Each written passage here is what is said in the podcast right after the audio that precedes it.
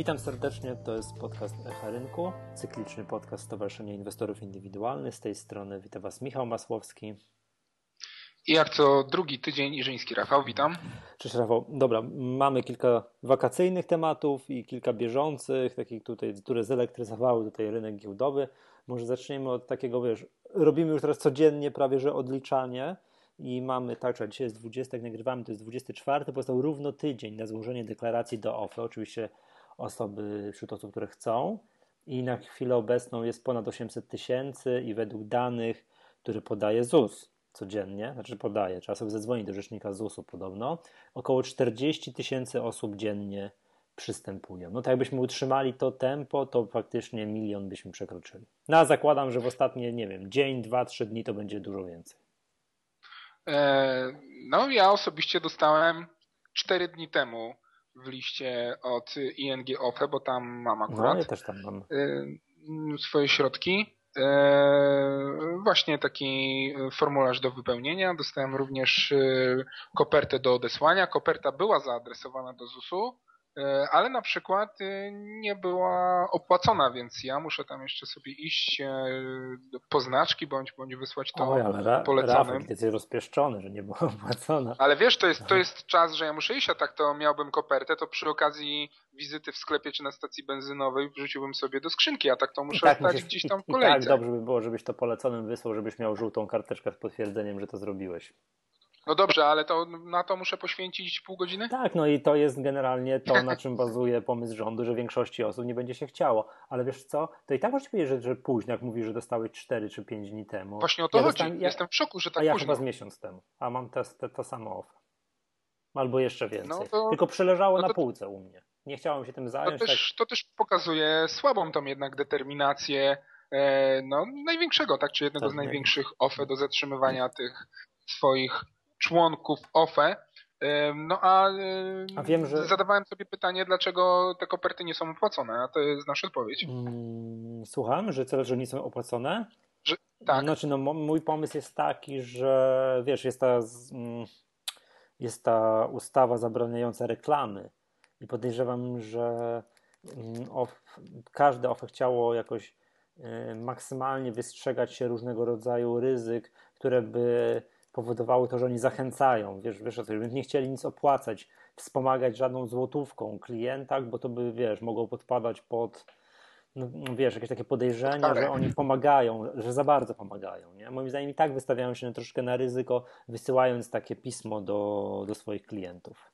No, ale powiedzmy też, że jak przeczytałem, ja bardzo dokładnie przeczytałem to pismo i ono jest napisane w takim, jakby to powiedzieć, super y, obiektywnym tonie. Tam nie ma słowa zachęty, typu, że zachęcamy do zrobienia tego i tego, tylko wszystko jest takie, jeżeli chcesz, to wypełnij. Wiesz, nie ma, nie ma nic takiego, co mogłoby być niebezpieczne, takie, wiesz, że ktoś o, w zbyt entuzjastycznym tonie się wypowiedział i mógł, później do czego, do czego mógłby się później, tak, nie wiem. Czyli, czyli wszyscy prawnicy pracujący... Mhm wszyscy prawnicy pracujący w OFE musieli wrócić z urlopu, tak. żeby siedzieć nad pismem. Tak, tak. Ja podejrzewam, że to jakby tworzenie tego pisma i przepatrywanie zdania po zdaniu, przecinka po przecinku, to naprawdę tutaj prawnicy, właśnie ta kancelarie prawne siedziały i cyzelowały każdy przecinek i moim zdaniem to jest przyczyna, dlaczego nie ma, mm, dlaczego, dlaczego ten dokument nie jest opłacony.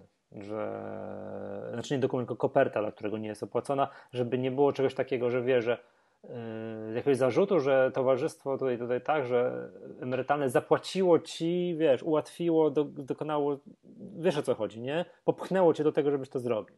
I tak. Ma to ręce i nogi, ale do rzecznika ING OFY w tej sprawie dzwonić nie będzie. Nie, nie, nie, nie. No co by nie było, jest tydzień. Jeżeli tam chcecie, to to jest, to jest jeszcze czas, tam dróg jest kilka, albo można pójść osobiście, pofatygować się do ZUS-u i wypełnić na miejscu ten dokument. Drugi dokument, na, druga droga, można y, pobrać taki, takiego PDF-a ze strony ZUS-u lub mm, takie, nie wiem, zapewne każdy z Was dostał swojego OFY taki dokument wypełnić i wysłać. Zachęcamy, jeżeli tak, takim listem poleconym za potwierdzeniem odbioru. I trzecia droga, najtrudniejsza, trzeba to można zrobić elektronicznie, ale to jeżeli ktoś tam nie ma tego zaufanego profilu, gdzieś tam to i, to i tak będzie musiał iść do ZUS-u i tak będzie musiał iść do ZUS-u. No co by nie było, jest tydzień. Bardzo jestem ciekawy odczytów już w kilka, w kilka ostatnich.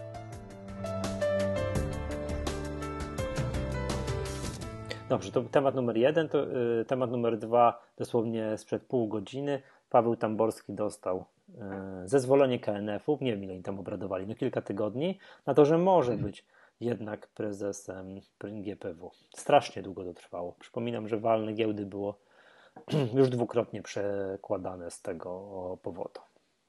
A podobno jest jakimś tam rosyjskim szpiegiem, gdzieś czytałem. Boże, dlaczego? Gdzie? No były zastrzeżenia, ktoś, ktoś się wypowiadał o takim potencjalnym zagrożeniu i że to właśnie dyskwalifikuje go dobra. z tej prezesury. Okej, okay. dobrze, dobra, mam żartów, jest to, ale mm, tam nie wiem, czy widziałeś głosowanie KNF-u 4 do 1. Nie. Cztery osoby, z pięciu osób, cztery osoby za jedno, znaczy no, jedna osoba się jedna osoba się wstrzymała i walne giełdy jest jutro, czyli 25 i zapewne zostanie dokończone, bo tak jakby tutaj mm, przez to, że to walne giełdy było przerwane raz, potem przerwane drugi raz, to są takie no jakby skutki tego są takie, że nie tylko, że nie ma nowego prezesa, no bo to pal licho, przecież jest zarząd giełdy, który działa na co dzień, nic, nic sprawa się, tutaj nic się nie dzieje, ale tak, nie ma zatwierdzonego sprawozdania rocznego, chyba już jest dawno po terminach, nie ma Mm, żadnych decyzji co do dywidendy, że zarząd, bieżący zarząd giełdy już przekładał terminy i dzień dywidendy, i dzień wypłaty dywidendy. I trzecie, nie ma absolutoriów dla członków zarządu, członków, rad, członków Rady Nadzorczej. Także no, kilka rzeczy tu się posypało, takich przez to, że był zmieniony porządek obrad i walne mm, przekładane i przekładane. No ale jutro już ta przekładanka się skończy. Bo też wiesz, bardzo ciasno z terminami, bo ile, ile może trwać walne spółki giełdowe? Chyba miesiąc maksymalnie. Mm, oj, pytanie do prawnika. Chyba tak, czyli nie, nie może być tak, że ktoś prowadzi jakiś większościowy akcjonariusz już jakąś, wiesz, na przykład złośliwą obstrukcję i przekłada walne pół roku. Kiedyś tak było. Kiedyś tak było i walne spółki giełdowe mogło trwać, nie i pół roku i nic się nie działo a, a teraz może trwać maksymalnie miesiąc. Także tak mi się wydaje, nie jestem tego pewny, ale także maksymalnie miesiąc. I wydaje się, że ten termin już, już, już było ciasno, już był upływał powoli. Także, także, no ale jutro się już zapewne jutro się już zapewne skończy. Dobrze, e, to z takich tematów bardzo bieżących. No i teraz temat numer jeden dzisiejszego odcinka. Bomba wybuchła wczoraj czy przedwczoraj były wyniki Orlenu? Wczoraj. Wczoraj, wczoraj z samego rana. No i ogromne, także ogromna, gigantyczna strata. Zarząd Morzejek Boże Morzej. Zarząd Orlenu oficjalnie poklepał matę, rzucił ręcznik, poddał Morzejki. To już stwierdzi, że to już jest no ciężko tam pozytywnie wyrykować na temat tej spółki i ile wpisali jako odliczenie, jako rezerwę zawiązaną na, na, na poczet tych Morzejek? 4,2 miliarda złotych na y, Morzejki. Mhm. To jest y, odpis z tytułu wartości tego, tych aktywów. Mhm. Mm, I tak naprawdę po tym odpisie wartość księgowa Morzejek jest zero. Dokładnie, wyceniona w ich e, księgach na zero, tak? Tak to trzeba interpretować. Tak, Czyli tak, tak, przypomnę, tak, że jakąś krótką historię. Kiedy Orlen kupował Morzejki i o co tam dokładnie, o co no, dokładnie chodziło? Historia, historia jest bardzo ciekawa. E, sam Orlen kupował y, większościowy pakiet y, Morzejek w, na przełomie 2006-2007 E, wcześniej, bo jeśli dobrze pamiętam, jeszcze przed 2000 roku, Morzejki zostały przejęte przez amerykańską spółkę, ona się nazywała Williams. E, I oni mm, mieli te same problemy z Rosjanami, to znaczy, że Rosja również odcinała rafinerię w Morzejkach od dostępu ropy, tak? Aha. Po prostu rurociągi, rurociągi były wstrzymywane, dokładnie przyjaźń. E, no, to jak nie ma surowca. Ba tak, tak, bardzo symbolicznie się... się... ten rurociąg nazywał, tak? E, e, no to jak rafineria nie ma, że tak powiem, dostępu do surowca, no to jak ma pracować, tak? Więc Amerykanie się w końcu zdenerwowali i postanowili sprzedać tę rafinerię. Rafineria trafiła w ręce mm, E, taki oligarcha był rosyjski, który tam się mm, tam e, pokłócił z Kremlem i tak dalej. Nazywał się jak? O Jezu, nie wiem. To, to dużo, Chodorkowski. To, ale dużo było tych oligarchów, co się kłóciło z Kremlem. Ale on był, on był takim symbolem. Mhm. E, a Chodorkowski posiadał Jukos i to właśnie Jukos kupił od Williamsa rafinerię, ale tak naprawdę nie wiem ile tam minęło, około roku E, i, i, i Kreml właśnie e, wytoczył wojnę Chodorkowskiemu, mm, więc te aktywa Jukosu były na sprzedaż. No i um, oczywiście rafineria um, trafiła na rynek, no i do mm, że tak powiem, wojny, kto przejmie tą rafinerię, stanął Orlen, mhm. Czyli czytaj e, Polska, e, bo wówczas u władzy był PiS. Mhm. E, no wiadomo, jaki jest stosunek, jaki jest lub był stosunek braci Kaczyńskich do, mm, do Rosji. Do Rosji. No, tak. E, z kolei rosyjskie firmy mm, również jak najbardziej chciały przejąć, ale tam był taki problem, że podobno Kreml zakazał swoim, w cudzysłowie państwowym, firmom dawać bardzo dużych ofert i przebijać Orlen i innych tam kupujących, chętnych, e, bo te pieniądze miały trafić do Chodorkowskiego, tak? No. Który potencjalnie mógł te pieniądze, im więcej by dostał, mógłby pospłacać długi i tak dalej, i tak dalej. Więc e, Rosja, strona rosyjska tam już mocno tak się nie angażowała. No i tam głównym konkurentem z Orlenem był kazachskie jakieś tam przedsiębiorstwa. No ale w końcu jak Rosjanie podobno tam dawali około miliarda dolarów, miliardy dwieście, jak tam gdzieś tam czytałem, e, to Orlen e, rzucił kwotę 2 miliardy 300 dolarów, dolarów mhm. czyli dwukrotnie więcej. Mm, tam Kazachowie dość mocno walczyli, ale aż tyle nie przepłacili. Oczywiście wszyscy analitycy wówczas, w tym 2006-2007 mhm. roku, już, już mówili, że to jest za drogo i że to nie ma sensu. E, no ale wiadomo, że to była taka decyzja, umówmy się, polityczna. Tak, to zapadła ale... w Pałacu Prezydenckim. Tak, no i to była oczywiście podmiana największej tam inwestycji Polski e, zagranicznej i tak dalej, i tak dalej. E, ale mm, jaki jest najważniejszy case? Oczywiście po przejęciu Morzejek przez Orlen Rosjanie zrobili to samo. Czyli znowu zakręcili kurek z surowcem, im morzejki zostały odcięte e, i tak naprawdę ten rurociąg jest zamknięty do dzisiaj. Podobno on ma tam oficjalnie 1300 usterek i strona rosyjska w ogóle nie zamierza go naprawiać, bo to się nie opłaca. Więc surowiec jest obecnie transportowany w większości, uwaga, tankowcami z Wenezueli, a następnie y, pociągiem. Y, liniami, znaczy takim PKP, ale litewskim. Czyli domyślam się, że wielokrotnie, że jakby mm, koszt uzysku surowca jest wielokrotnie droższy. To jest dramat. To jest dramat. Mhm. Y, to po pierwsze.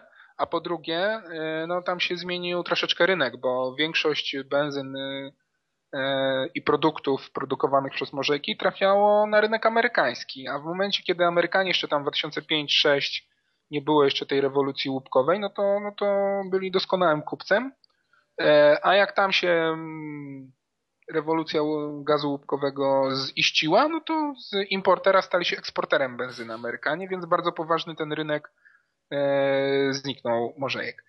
Efekt A jest taki... Chcesz powiedzieć, że przed, mm, tam nie wiem, w tamtych czasach e, mm, paliwa z Litwy były eksportowane do Stanów Zjednoczonych?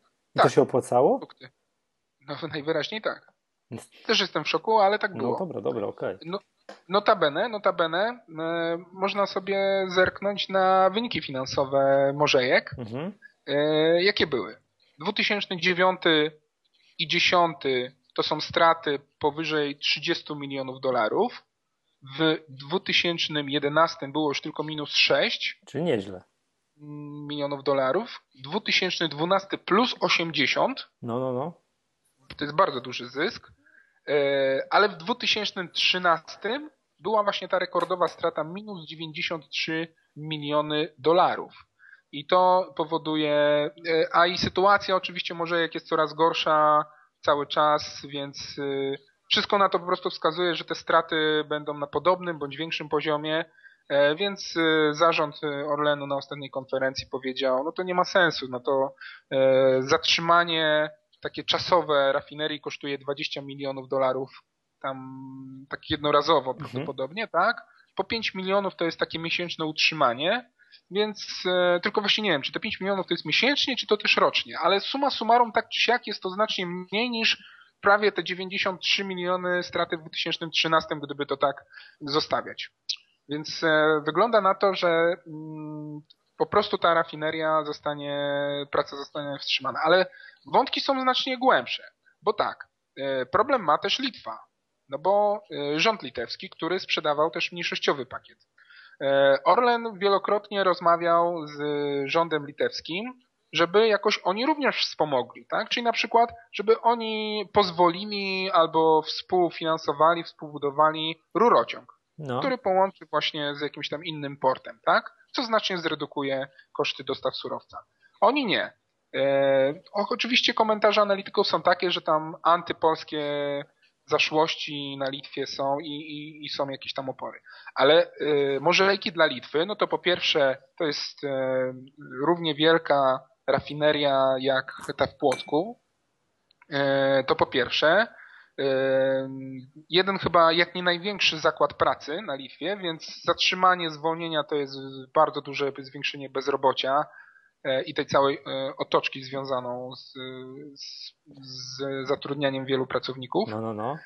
Mm, to jest pierwszy case. Drugi case to jest e, ważności tej rafinerii dla całego regionu i dla e, również polskich koncernów Orlen i Lotos.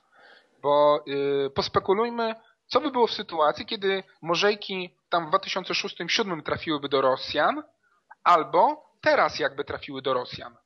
No to wiadomo, że y, w tym aspekcie jakby teraz to trafiło y, we wschodnie ręce, no to nagle oczywiście przyjaźń zostanie naprawiony i surowiec Płynie. Y, z, z tych samych rąk po znacznie no niższej no cenie niż pewnie wcześniej. Tuż za granicą silnego konkurenta. Tak, więc automatycznie Alitwa jest w Unii Europejskiej. Zgadza się? No tak. Więc zauważ, że Polska nie może wtedy nałożyć żadnych ceł i tak dalej, limitów na y, import surowca, tak? Okazałoby się, że Morzejki, korzystając ze znacznie tańszego surowca, produkowała, oferowałaby znacznie tańszy produkt finalny. I okazałoby się, że pewnie część ze stacji benzynowych w Polsce, nie należących do Polski, tylko do innych firm, mogłyby zacząć podpisywać i kupować E, produkty z Morzejek. No tak, tylko wszystko jest, proble- wszystko jest no? problemem to po pierwsze. Wszystko jest problem drugie, tego rurociągu, który niby jest, ale jednak tak. jest uszkodzony i tak dalej, prawda? Jakby był, ale to zauważ, by, no. że również kupno Morzejek przez Orlen to jest zablokowanie takie jakby i zagwarantowanie sobie rynku. No bo zobacz jaki był urósłby bardzo duży konkurent dla Orlenu, który by właśnie, tak jak już powiedziałem, oferował po niższych cenach swoje produkty, E, które by sprzedawał nie tylko w Polsce prawdopodobnie, ale i również w innych krajach ościennych. Mhm. I tutaj e, znacznie by się to sytuacja Orlenu pogorszyła. Suma summarum, to my wszyscy Polacy, wszystko wskazuje na to, płacimy po prostu wyższą cenę za benzynę i olej napędowy na stacjach benzynowych, niż mogłoby to być. No tak, ale dla Orlenu, co tak by nie było, to wiadomo, że jakby miał silnego konkurenta tu za granicą, no to niedobrze, ale z drugiej strony, no wiesz, kupił sobie tego konkurenta, który nagle się okazuje jest, wiesz, nierentowny, bo nie ma, nie ma dobrego źródła surowca.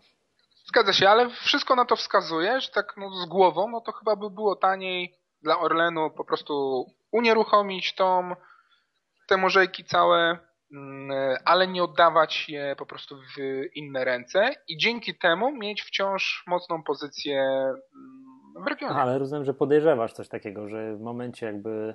No ja tak, to są moje tylko wyłączne spekulacje. Tak, że mozaiki jakby przeszły w ręce rosyjskie, to ten rurociąg cudowny doznałby cudownego ozdrowienia.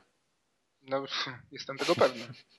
No dobra, no i tak, co by nie było, to rozumiem, że zarząd Orlenu zdecydował o nie, no nie wiem, chwilowo chwilowo... Znaczy to jest też również i straszak, tak? Bo umówmy się, że jak ja bym był teraz no. prezesem no. Orlenu, bo y, bardzo ważnym jest case'em, aby Litwa poszła na współpracę, no bo no co szkodzi y, pozwolić wybudować i, że tak powiem, napędzić tą rafinerię, tak, dla rządu litewskiego. No nie wiem, może mają jakieś swoje argumenty, ja na razie ich nie widzę. I myślę, że to jest taki po prostu też mocny straszak na stronę litewską, e, właśnie to zagrożenie zamknięcia Morzeje. Mhm, rozumiem. No ale co by nie było, e, tak jak tutaj zacząłem zdanie, zarząd Orlenu wycenił Morzejki na zero, ale zdaje się, że prezes Orlenu gdzieś tam w jakimś komunikacie czy konferencji powiedział, że nie ma kupca, że oni chcieliby to sprzedać.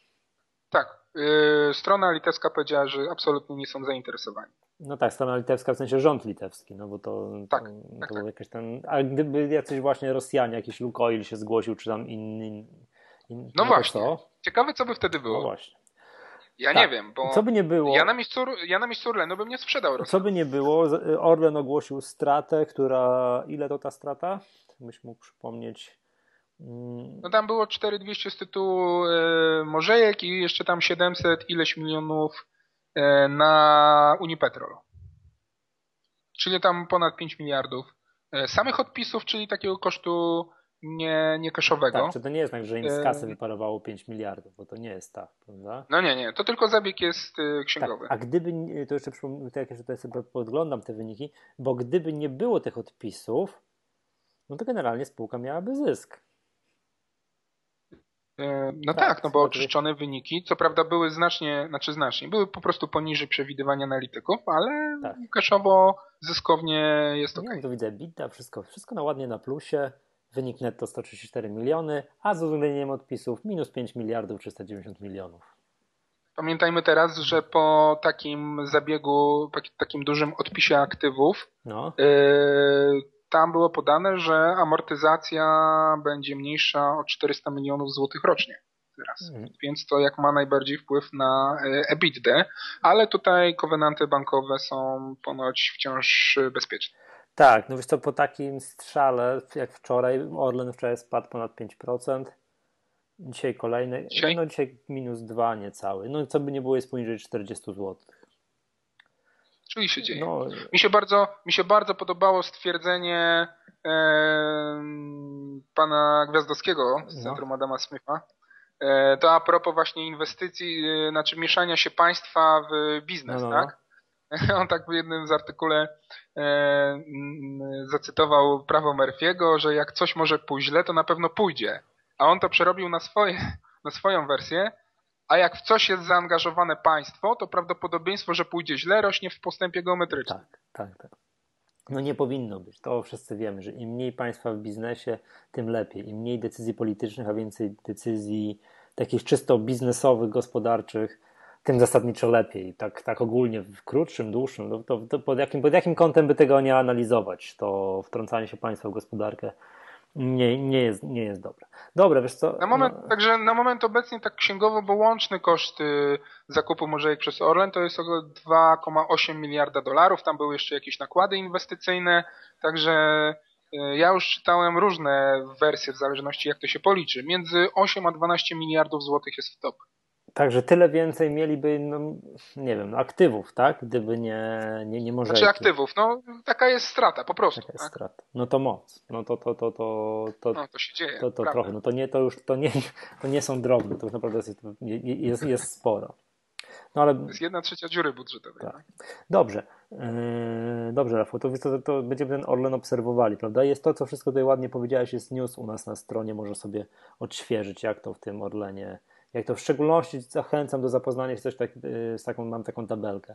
Przed, gdyby nie było tych yy, wszystkich odpisów, jaki jest wynik, jaki byłby wynik Orlenu i z odpisami, jak wygląda wynik Orlenu. To, no ale to też jest tak, że wiesz, tego typu rzecz warto zrobić raz, a dobrze, w sensie wiesz, nie rozdrapywać tych może jak 15 razy, tylko cyk, strata, jedna gigantyczna strata w jednym kwartale i, i nie, biznes, toczy, biznes toczy się dalej.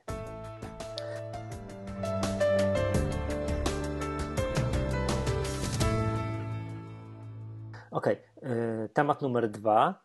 Yy, o famurze chciałbyś poopowiadać.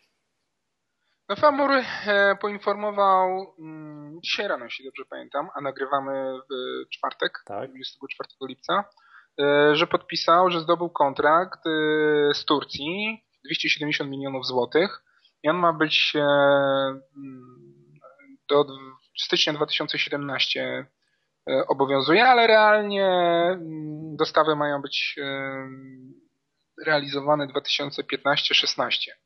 15% zaliczki. E, No to jest o tyle ciekawe, że ta, mm, że FAMUR mm, e, toczy wojny o y, zlecenia z rynku krajowego z Copeksem.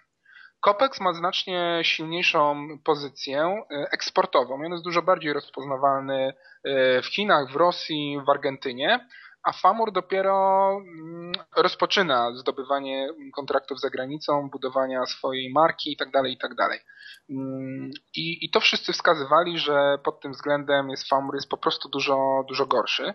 E, I podpisanie no, takiej umowy, a przypomnijmy, że kontrakty eksportowe w tej branży w ostatnich latach cechują się znacznie wyższą rentownością, e, no to pokazuje, że jednak Famur potrafił pozyskać e, dość spory kontrakt i być może jest to dopiero jakiś tam początek mm, kolejnych, kolejnej ekspansji zagranicznej, eksportowej Famuru. Mm, przypomnijmy, że Famur to jest jeden z bohaterów stopy dywidendy. Tak, tak, tak. 17%, 84 e, grosze na akcję i jutro jest wypłata dywidendy, 25 mhm. lipca. 9 lipca była przyznana dywidenda, więc tam kurs się obniżył znacznie. A nie jestem, nie wiem, czy w ogóle widziałeś historię wypłat dywidendy Famuru. Oni są w ogóle tak bardzo, powiedziałbym, no efektowni. Wypłacają dywidendę rzadko, ale jak już wypłacają, to jest tak, że wiesz, że, że aż buty spadają. Teraz była stopa dywidendy 17%, a poprzednio wypłacali dywidendę w 2011 roku i stopa dywidendy była prawie 20%. No ale z drugiej strony, wiesz, jakby to rozłożyć tak na co kilka lat, to wychodziłoby, że to jest taka normalna, zdrowa, wie, 4-5% stopa dywidendy, tak? Tam, yy, no a po prostu kumulują to i wypłacają co kilka lat. Tak, bo zresztą i obecna dywidenda jest z zysków z dat ubiegłych. Tak, tak, tak, tak, tak, tak, tak, zgadza się. Nie, to była ciekawa spółka.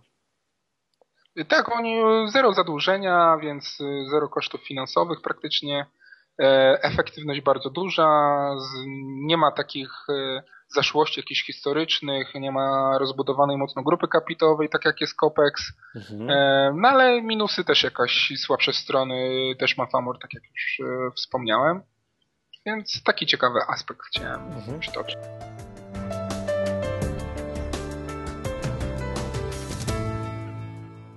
Dobrze.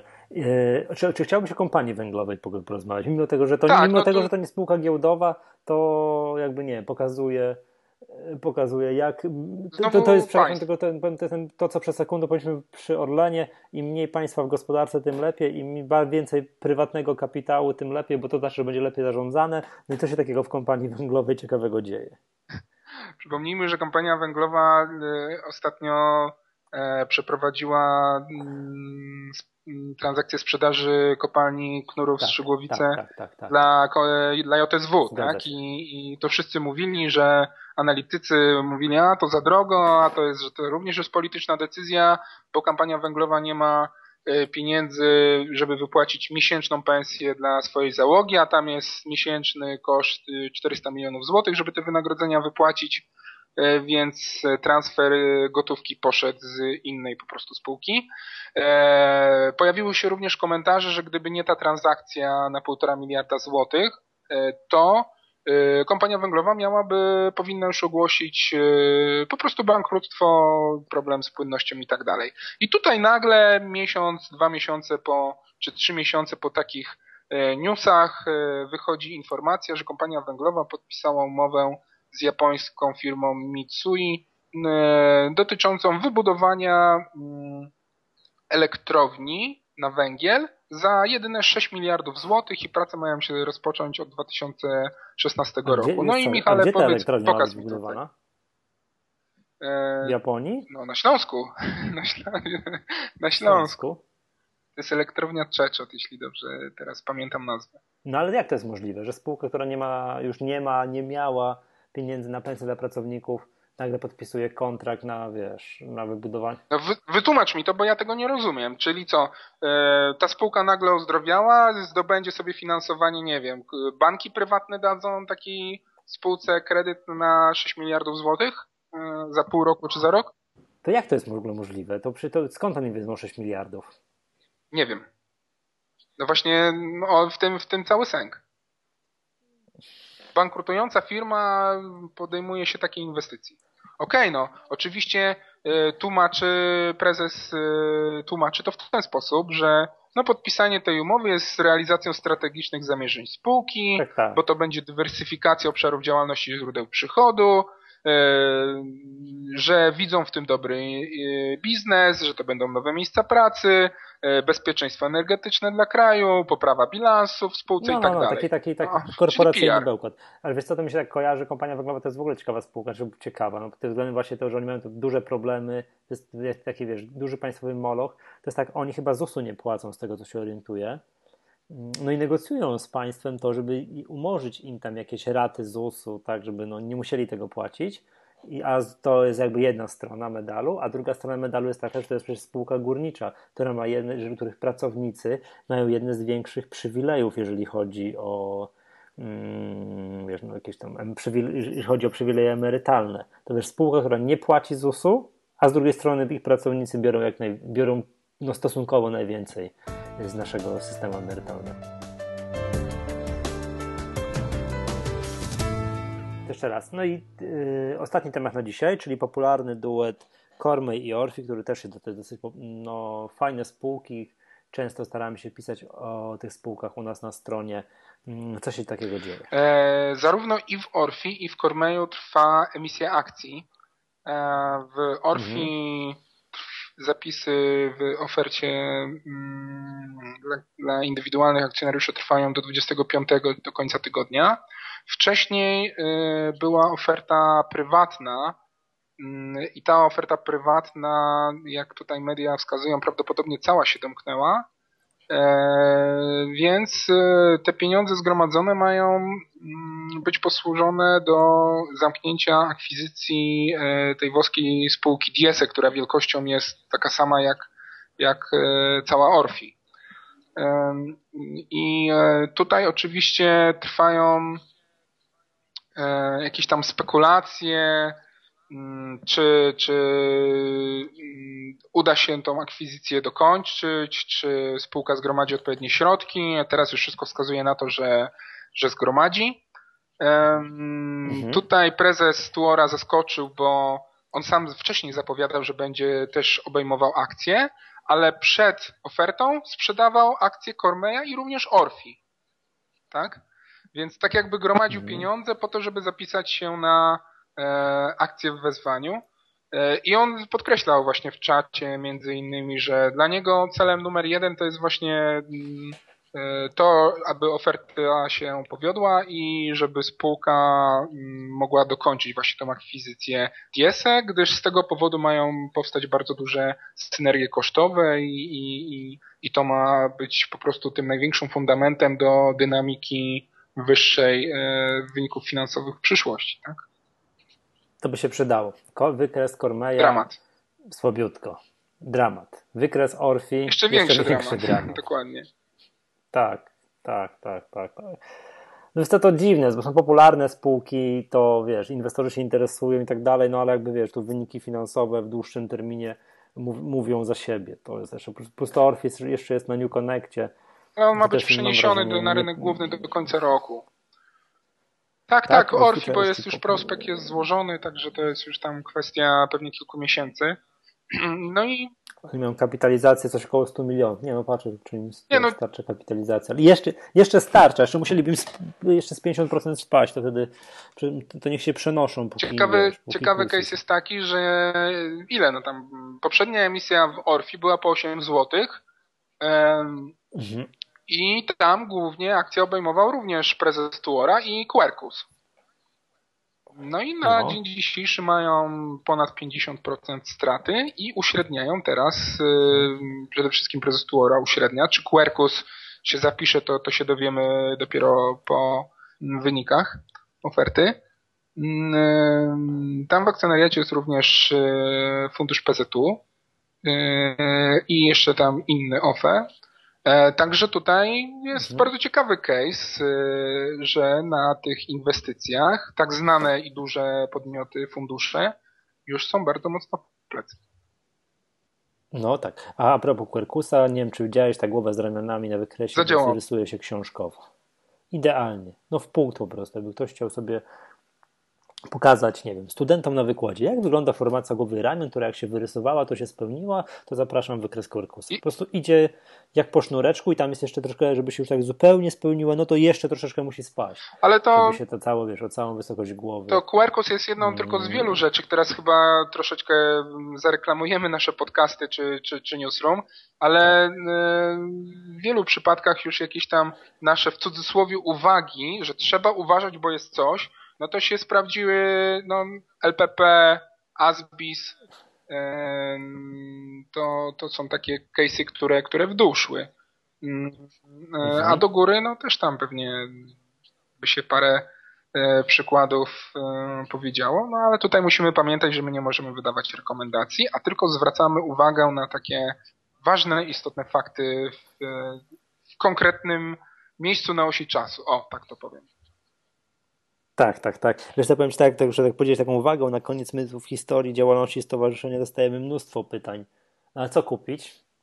A my tak, no wtedy no, halo, no, my możemy to poedukować, pozwracać uwagę, ostrzegać i tak dalej, ale nie możemy, nie możemy nic rekomendować. To zawsze jak się rozmawia tak z inwestorami, którzy tak czasami zadają takie pytania i my tak no, unikamy odpowiedzi, no bo nie możemy, tak? To jest wiadomo, nie wolno tego robić. To widzę jakie rozczarowanie na twarzy. No ale jak to? To ja tutaj należę do stowarzyszenia, a Państwo mi nie mówicie, co ja mam kupić? No tak, tak. No, no niestety. No tym bardziej trzeba słuchać naszych podcastów, bo tak jak Rafał ładnie powiedziałeś, my zwracamy uwagę na, na ciekawe, na ciekawe Dokładnie. spółki. Dla przykładu, tydzień temu pożartowaliśmy z Morzejek, minął tydzień i proszę bardzo i całe morzejki to odpisy. Już nie żartujmy na, nie, na temat żadnych innych spółek, bo nie, bo to wiesz, może się źle dla nich skończyć. Dobra, zapraszamy tak, na stronę www.sr.pl, tam jest wszystkie historyczne podcasty, możecie Państwo sobie przepatrywać.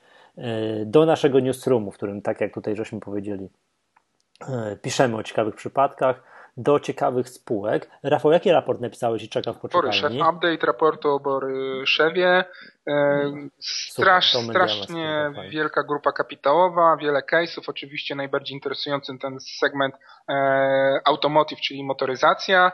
No to, tylko taka zachęta. Nie wiem, czy Michale sobie zdajesz sprawę. Kiedy on będzie? będzie publikacja u nas na stronie że segment automotive, y, w jakich krajach y, Boryszew ma obecnie fabryki produkujące jakieś tam części dla motoryzacyjnego segmentu? Nie wiem, no to praktycznie chyba na każdym kontynencie, prócz jakiejś tam Antarktyki, Antarktydy i Arktyki. E, no i prawdopodobnie już przymierzają się teraz, e, żeby w Meksyku wybudować kolejny jakiś tam zakładzik. O ludzie. Dobra, kiedy ten raport będzie? We wtorek. Dobra. Okej, okay, to, to co? To wszystko na dzisiaj, tak? To nic już więcej nie mam do, gadania, do, do powiedzenia. Życzymy, życzymy miłych wakacji. Podejrzewam, że następnym razem, jak się spotkamy, to będziemy już znali oficjalną liczbę, ile osób przyniosło się do OFE. To o. też będzie. Będziemy mogli sobie pospekulować. To co teraz się stanie z tymi otwartymi, otwartymi funduszami emerytalnymi? Będziemy mogli próbować szacować, jakiej wielkości to będą Rozumiem, to rozumiem że szykujesz się na bardzo duży napływ CV analityków i zarządzających z OFE do stowarzyszenia, do działu analitycznego. No nie, to by nie było jakiejś tam konsolidacji na tym rynku, to no, wydają się wydają się nieuniknione. Ale dobra, to będziemy, będziemy gdybali przez najbliż, najbliższych odcinkach. Okej, okay, to był podcast Echa Rynku, z tej strony żegnasz Was Michał Maszkowski. Rafał, dziękuję, pozdrawiam.